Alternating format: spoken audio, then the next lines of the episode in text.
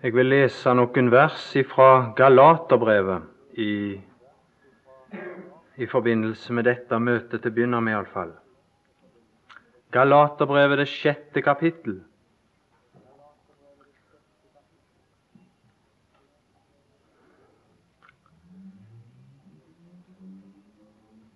Og vi kan lese derifra det ellevte vers.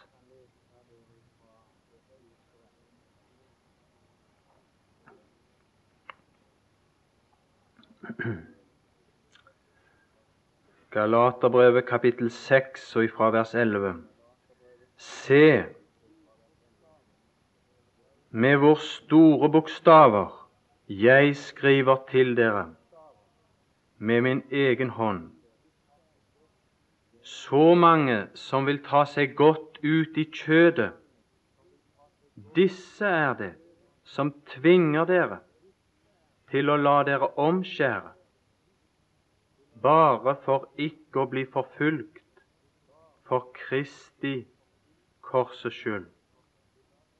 For ikke engang de som lar seg omskjære, holder selv loven, men de vil at dere skal la dere omskjære for at de kan rose seg av eders kjød.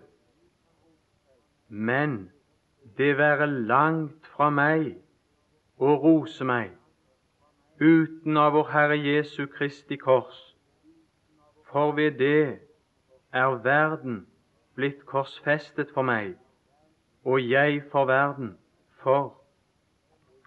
Verken omskjærelse eller forhud er noe, men bare en ny skapning og så mange som går frem etter denne rettesnor, fred og miskunn være over dem og over Guds Israel. Det tre på Golgata som vi har samla våre tanker litt om, det ville vi kanskje si var et goldt og et ufruktbart tre. I alle fall vil det bli betrakta slik i verdens øyne. Men for oss er det ikke slik. Dette korsets tre har satt sånne frukter, sånne vidunderlige frukter for oss, for oss som tror. Og det skal fylle evigheten med, med frukter som skal komme ifra dette treet.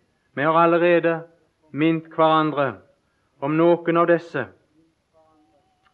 Tenk for en herlig frykt for min del at jeg er befridd ifra min synds straff. Tenk hvor godt det må være for den som Lars nettopp nevnte for oss. Denne som står ved terskelen til å gå inn i evigheten. Tenk hvor godt det er og vite at jeg er befria fra min syndstraff, skal aldri tynges ned, knugast og knusast og gå fortapt for min synds skyld. Fordi Han bar våre synder på sitt legeme oppe på treet. Og ikke bare det. En annen frykt som er vidunderlig for oss, det er dette som vi leste fra Johannes evangeliet, at han ble oppløfta på et kors med denne hensikt i Guds hjerte for at hver den som tror på ham, ikke skal fortapes, men ha evig liv. Vidunderlige resultat og herlige frukt for oss som tror. Men nå, nå tenkte jeg bare på å lese litt fra dette Galaterbrevet, for det taler ikke så lite om Kristi kors. Men det er litt vanskelig, syns jeg, når vi liksom skal bare plukke noen vers her og der. Men i alle fall Dette som, som Galaterbrevet taler til oss om, det, det, er litt forskjellig fra slik som de andre brev taler om Kristi kors. I Galaterbrevet så finner vi den religiøse verden. Vi finner ikke den verslige, ugudelige, åpenbart syndige, lastfulle verden. Den verden beskrives for oss i Romerbrevet. Og alle som har lest gjennom det brev, hvis de begynner fra begynnelsen, vil få en opprulling av det moralske forfall og den lastfulle verden som Paulus så i sin tid, si samtid. Den verden som antar en sånn grov form, men ikke så i Galaterbrevet. I Galaterbrevet så er det kjødet sett ifra en annen synsvinkel, nemlig der har kjødet antatt en religiøs form. Fått liksom et sånt religiøs anstrøk over seg. Kjødet vil i Galaterbrevet være godt og gudfryktig og hellig. Så det er den religiøse verden som er omtalt i dette brev. Det er den verden som har en barnelærdom. Hvis du ser i det fjerde kapittel, så står det i det tredje vers der Trellbundet under verdens barnelærdom. Og Sammenhengen forteller oss klart at det var denne lov som de hadde fått. Og det er denne verden som har en sånn en ting. Det er den verden Galaterbrevet taler om. Det er den religiøse verden. Og Vi kunne nesten si at i vår tid så er det en stor og sterk oppblomstring på den fronten. Det er mange som vil gjøre sitt beste, som vil være redelige, oppriktige, samvittighetsfulle. Ta seg i akt for alt som er hellig. Det er iallfall noen som særpreges av det. Hvor glad jeg er for. Og jeg har lyst til å rose meg av dette at jeg er korsfesta fra den verden. Og den verden er korsfesta for meg. Ellers hadde jeg blitt innunder innflytelsen av det. Det synes jeg er en vidunderlig frigjørende sannhet. En sannhet i tillegg til det som jeg allerede har lest om. En sannhet som iallfall har virket frigjørende i mitt sinn. Overfor den verden, den verden, den religiøse verden. Og for den verden så er korset noe spesielt. Se i det femte kapittel og i det ellevte vers. Der står det et bestemt uttrykk. Men jeg, brødre, hvis jeg ennu forkynner omskjærelse, hvorfor forfølges jeg da ennu? Da er jo korsets anstøt gjort til intet. Korset er ikke et anstøt for hvem som helst. Korset er ikke et anstøt for de åpenbart ugudelige. Korset er ikke et anstøt for hvem som helst, men for disse var det et anstøt. Og hvorfor er det et anstøt? Og det var dette anstøt som førte til forfølgelsen. Hva var det som var anstøtet? Hvorfor forfølges jeg da ennu? Det var et anstøt som gjorde at han ble forfulgt. Og hva var anstøtet? Men jeg, brødre, hvis jeg ennu forkynner omskjærelse Hvis han det gjorde, så ble han ikke forfulgt. Da ble korsets anstøt gjort intet. Hva var det med dette? Hva var det med dette med omskjærelsen? I det femte kapittelet og i det tredje verset står det tydelig hva det medførte.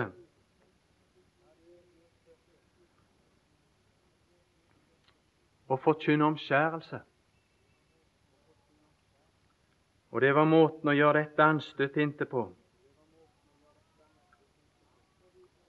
Der står det Atter vitner jeg for hvert menneske som lar seg omskjære, at han er skyldig å holde hele loven. Hvis jeg forkynner dette til mennesker, så har jeg gjort korsets anstøt intet. Korsets anstøt er ikke det at du kan få syndenes forlatelse ved korset. Nei, korsets anstøt er dette at du anerkjenner mennesket i kjødet. Hvis du anerkjenner mennesket i kjødet, mennesket sånn som vi er av naturen, sånn som vi er som naturlige mennesker Hvis det anerkjennes, så er det ikke et anstøt for det religiøse mennesket. Da er det en plass for det religiøse mennesket. Da vil det religiøse mennesket som gjør sitt beste, som er nikjær, som er samvittighetsfull og oppriktig, det vil få en plass. Men ikke så hvis du forkynner Kristi kors. Hva er det som gjør at, det, at dette er slik? Romerbrevet det sjuende kapittel og det første vers sier noe som jeg synes er vesentlig. Hvis jeg går med på det, anerkjenner det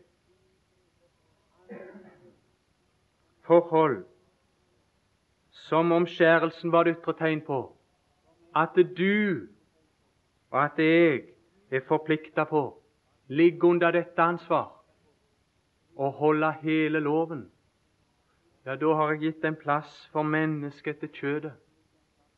Da er det åpenhet og anledning for noen å ta seg godt ut i kjødet. Men der står noe om loven. Romerbrevet 7 og det første vers. Eller vet dere ikke, brødre, jeg taler jo til slike som kjenner loven, at loven hersker over mennesket så lenge det lever. Så lenge det lever. Så hvis jeg forkynner at du er skyldig til å holde hele loven, så betyr det at jeg forkynner dette, at du er et levende menneske. At jeg anerkjenner deg som et naturlig menneske. At du får en plass som et naturlig menneske. Men korset gir ingen en slik plass. Og derfor så er det et anstøt for det religiøse mennesket. Ja, men Men kan dette være slik? Er ikke det ansvarsløshet å forkynne dette slik at det er ikke noen plass? Det er ingenting med ditt liv. Nei, det er ikke ansvarsløshet. Det er å erkjenne denne sannhet, at vi har forfeila totalt i vårt ansvar. At vi ikke fortjener noe annet enn forbannelsesdøden.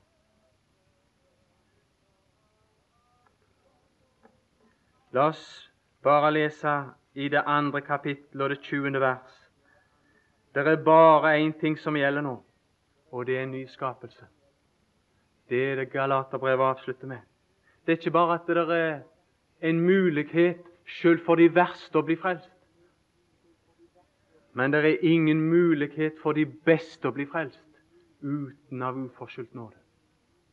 Det er bare en nyskapelse. Det er ikke bare at det er en nyskapelse, men det er bare en nyskapelse som gjelder. Og det er frigjørende. Vidunderlig frigjørende å se, synes jeg. Det står der i, i Galaterbrevet 2,20 Jeg er korsfestet med Kristus. Ikke bare mine synder ble behandla der på Kristi kors. Det blei de. Han bar våre synder og alt vi hadde forskyldt, og alt vi hadde forbrutt oss med, og alt som fortjente dom og vrede og straff ifra Gud, det var på korset. Og det falt over Guds elskede sønn. Og det er vidunderlig. Men ikke bare dommen. Ikke bare dommen var det som ble tatt, Men det mennesket som dommen hang over, det ble fjerna i Kristi kors. Og det, det er vidunderlig for meg å tenke på. Da er jeg korsfesta for verden. Jeg er korsfesta. Den religiøse verden er jeg befridd ifra på den måten. Jeg er korsfestet med Kristus. Jeg er sånt at jeg ble korsfesta. Jeg er sånt at forbannelse var det eneste som var det rettmessige.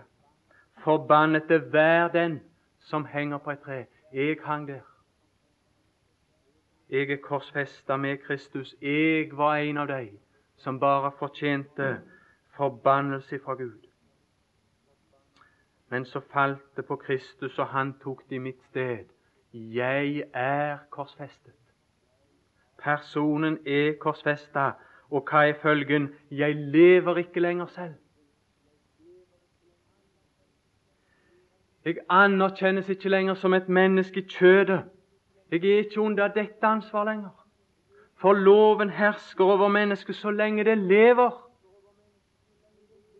Men jeg lever ikke lenger. Hva er dette å leve i Galaterbrevet? Hvis vi ser i det tredje kapittel. Og i det tiende verset står det hva det er å leve i for noe. Og hvor glad jeg er at ikke jeg lever lenger.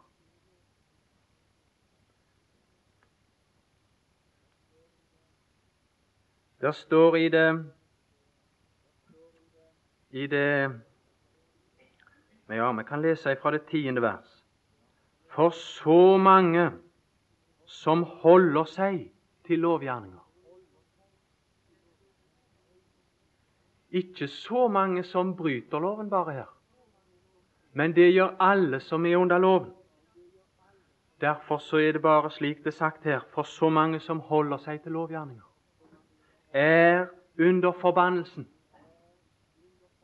Og jeg var et slikt menneske, og jeg mottok det alt der når jeg var korsfesta med Kristus.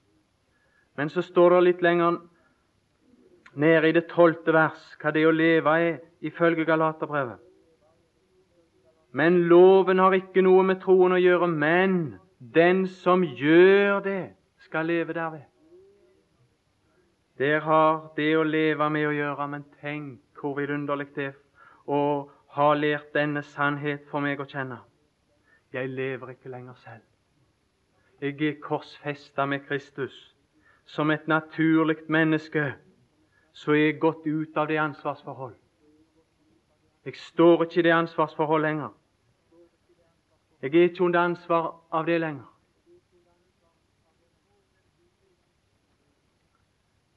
Jeg lever ikke lenger selv. Vet ikke hvordan jeg skulle få, få sagt det så jeg kunne meddelt det slik som det har vært for mitt hjerte å motta denne sannhet. Ikke bare dette at mine synder er borte, men jeg er borte. Jeg er fjerna. Mennesket under dom er fjerna i dom.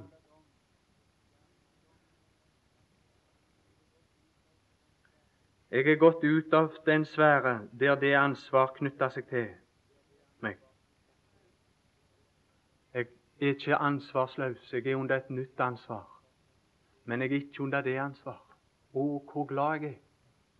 Tenk om jeg skulle være under det fryktelige ansvar. Jeg lever ikke lenger selv.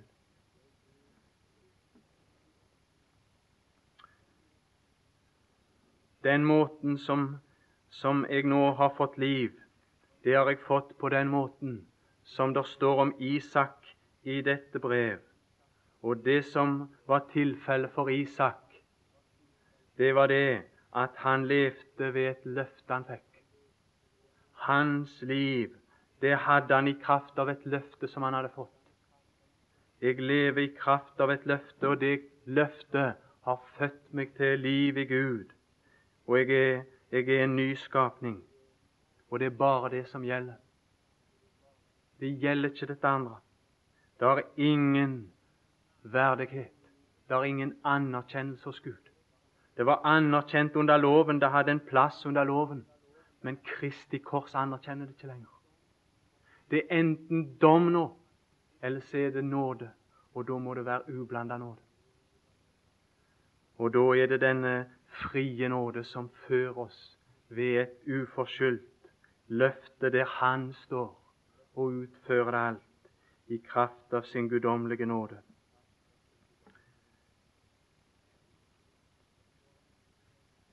Det står om en forfølgelse her, og det leste vi om òg litt. Men det er ikke en sånn en forfølgelse som vi gjerne tenker det er borti, borti Sovjet, kanskje.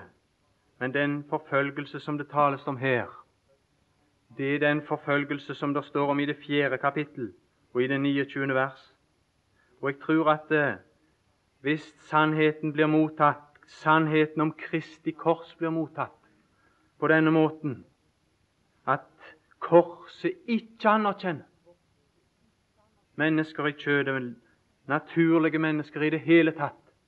At det er bare en nyskapning som gjelder. Det er bare en ny fødsel som gjelder. Det er bare Guds velsignede nåde som gjelder. Da blir det denne forfølgelse. Hva står der? Men like som den gang han som var født etter kjødet, forfulgte han som var født etter Ånden, således òg nå. Hvorledes var det den forfølgelse arta seg? Var det så at han slo han i hjel? Nei, det står, hvis du hadde, vi hadde tatt tid og lest det, så står det at det bestod i spott. At det var han bare som skulle, som skulle få alt.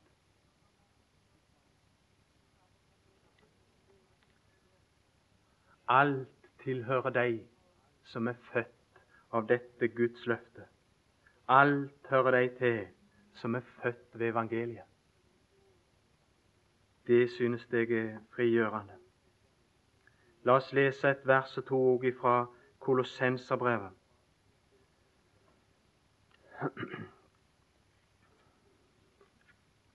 Kanskje det kunne få det lettere fram der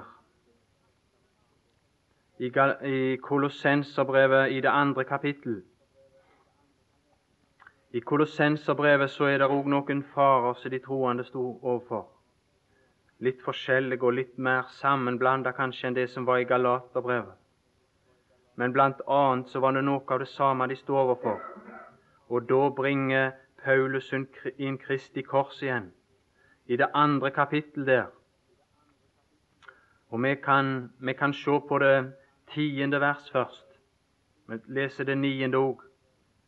Kolossenserbrevet 2 og det niende og det tiende vers. For i ham bor hele guddommens fylde legemlig, og dere er fylt i ham, som er hodet for all makt og myndighet.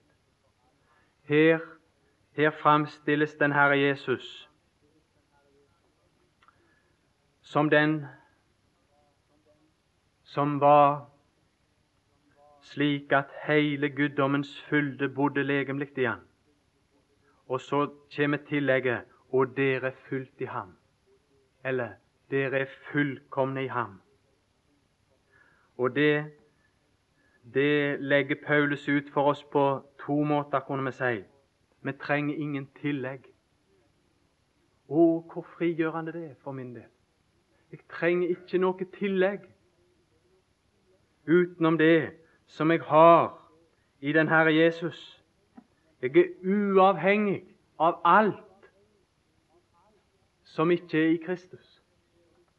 Og Derfor så, så var det en frigjørelse for disse i Kolosseum som var under innflytelse av en form for menneskelig visdom og forskjellige ting. På den måten så ble de befria. Hvor godt det er. Vi er fullt i Han fulgt opp så fullkomment at vi er blitt uavhengige av alle andre kilder for tilførsel. Vidunderlig, synes jeg. Vi behøver ikke tillegg, men på den andre sida så behøver vi heller ikke at noe skal kuttes bort. Ja, kunne de gjerne si i Kolosse da, omskjærelsen, det må vel være nødvendig. Nei, det har funnet sted. Det har funnet sted. Det som skal tas bort, har blitt tatt bort. Det har blitt tatt bort i Kristi kors. Og så kommer vi til det 13. vers. Derfra vil jeg lese. Også dere som var døde ved deres overtredelser og deres kjøds forhud. Dere gjorde Han levende med ham i det Han tilgav oss alle våre overtredelser. Tenk, alle våre overtredelser var tilgitt.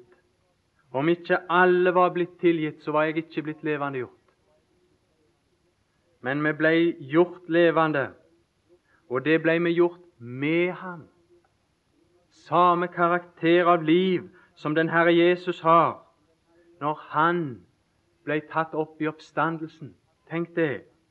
Levende med ham. Oppstandelsesliv. Og det skjedde ved at han tilgav oss alle våre overtredelser. Ikke bare noen enkelte. Av og til så snakker vi gjerne om syndsforlatelse. Men jeg synes mye mer om det uttrykk som Bibelen bruker syndenes forlatelse. Ikke noen enkelte bare, men hele spørsmålet. Da fikk jeg liv. Oppstandelsesliv, ja, men tenk om om det ikke hadde stått et åg i det 14. vers, så hadde jeg vært ille ute. Så hadde jeg ikke vært bedre stilt enn den dag jeg kom til troen. Enn før jeg kom til troen. Hvis det ikke hadde stått et år og det tillegget som det 14. vers kommer med. Tenk om din skyld var utsletta inntil den dag du kom til troen, var. Tenk om det gjaldt bare inntil da. Også fra da av så var du et naturlig menneske. Et menneske som, som var under skyldighet til å oppfylle ditt ansvar. Og hvis ikke du oppfylte ditt ansvar som et naturlig menneske, så var du i døden igjen. Fortapt igjen. For du var fremdeles under ansvar under skyldigheten av å oppfylle ditt ansvar som et naturlig menneske. Og det består i å holde hele loven. Ikke noe utvalg som du kan gjøre, men hele loven. Å, hvor glad jeg er for at jeg er befria fra det ansvar. Jeg er gått ut av det ansvar. Korset anerkjenner meg ikke som et sånt menneske lenger men så har det tatt meg opp med ham. Og så er vi blitt barn av Gud, og så har vi fått det ansvaret. Det er jo et helt annet ansvar. Et fullstendig annet ansvar. Vi er i den oppstandende Kristus. I en fullkommen antagelse. I en fullkommen gunst. Fordi vi har et annet liv levende med ham, ikke dette naturlige, levende liv. Jeg lever ikke lenger selv. Hvis jeg levde som et naturlig menneske, så var jeg under det ansvar. Men ikke så. Hva er det som står her? Og hva er det som gjør at dette for meg er vidunderlig? Ikke bare at Han tilga meg inntil jeg kom til troen, men i det Han tilga meg alle mine overtredelser, så står det at Han gjorde noe mer, og det gjorde Han på korset. Han utslettet skyldbrevet. Det er ikke noe skyldbrev lenger som jeg kom i skyld av. For min skyldighet var, hvis jeg var bare et levende, naturlig menneske, det var denne skyldighet som omskjærelsen var et tegn på at han er skyldig å holde hele loven. Men når Kristus døde på korset, så ble det skyldbrev Nagla til korset, står det her. Og skyld, utslettet skyldbrevet mot oss. Å kalle skyldbrev, det var det ganske tydelig. Som var skrevet med bud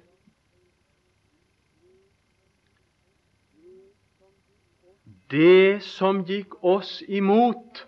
Og hadde han ikke tatt det bort, så hadde det fremdeles gått imot oss. Men han tok det bort i det han naglet det til korset. Det er ikke det at det loven er tilsidesatt. Nei da. Men jeg er korsfesta. Loven dømte meg til å dø en forbannelsesdød, for jeg hadde forbrutt meg mot loven. Galaterbrevet sa at hver den som holder seg til loven, han er under forbannelsen. Og den forbannelsen har rammet meg, og den bestod i at jeg døde der. Jeg er korsfestet med Kristus, jeg lever ikke lenger selv. Det som er det vidunderlige, er at jeg er løst ifra det ansvar. Herlige sannhet. Tenk om jeg skulle trelle med å leve sjøl og oppfylle mitt ansvar sjøl. Og kom jeg til kort, så var jeg fortapt igjen. Og hva tid kom jeg ikke til kort?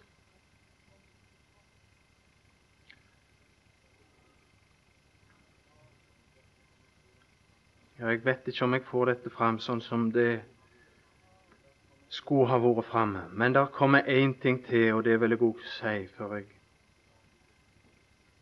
avslutter.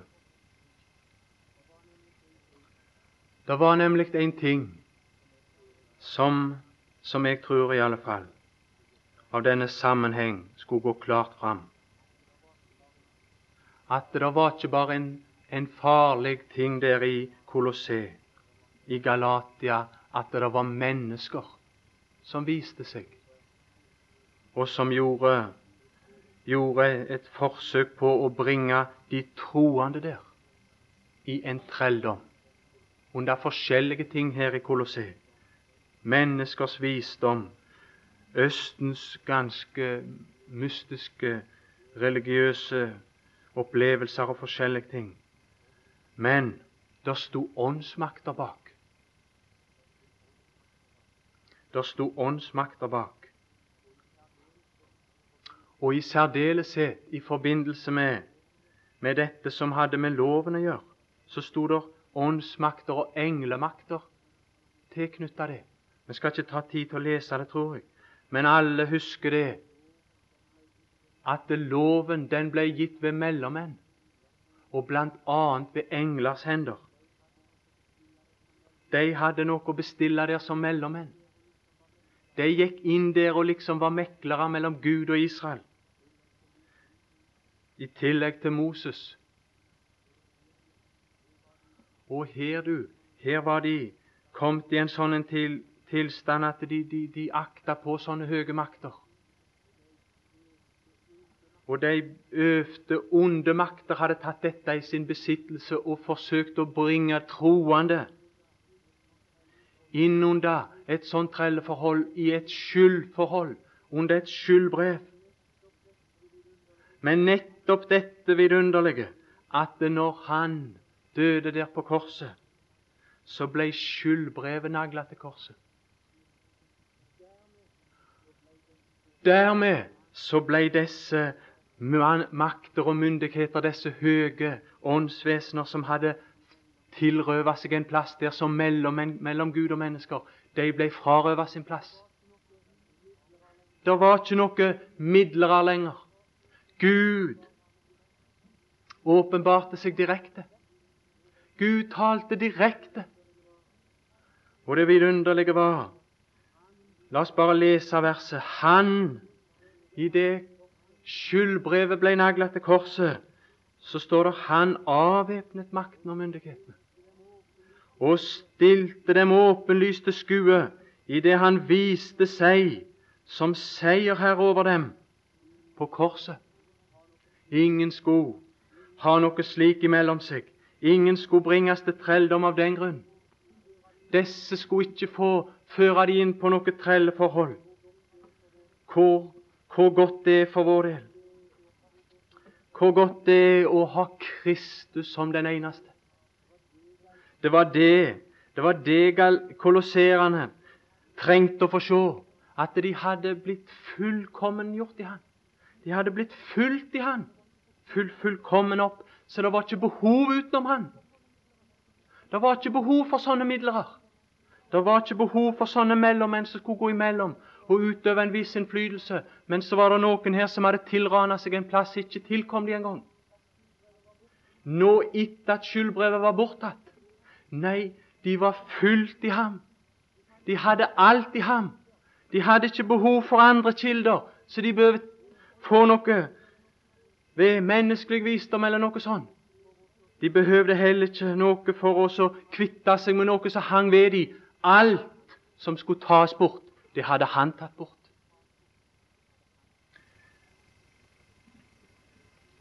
Vi skal be. Herre Jesus, vi takker deg for at vi har ditt ord. Nå leste vi noen sannheter ifra ditt ord, og lite makta jeg å få det fram slik som det burde ha vært ført fram. Herre Jesus, jeg takker deg i alle fall for dette vidunderlige, at jeg er korsfesta. At jeg lever ikke lenger som et naturlig menneske overfor deg. Å, hvor glad jeg er at jeg ikke lever lenger sjøl. At jeg ikke lever under krav, under skyldighetsforhold som jeg bare fra begynnelsen må innrømme at jeg ville aldri ha greid å oppfylle i. Ikke en eneste dag. Takk for du har ført oss ut av alt dette. Det var du, Herre Jesus. Det er du og de deg vi har funnet alt. Og du har ført oss ut av dette, men så har du ført oss inn i noe nytt og det pålegger oss et voldsomt ansvar i den nye skapelse. Herre Jesus, vi vil takke deg for dette store og herlige som du har foretatt, sånn at vi fattige, helvets fortjenende syndere tilhører den skapelse som alltid er ny, som ikke blir gammel. Men så er det et ansvar da som påligger oss som dine barn. Måtte vi vandre verdig det ansvar. Til ære for ditt navn ber vi om det. Amen.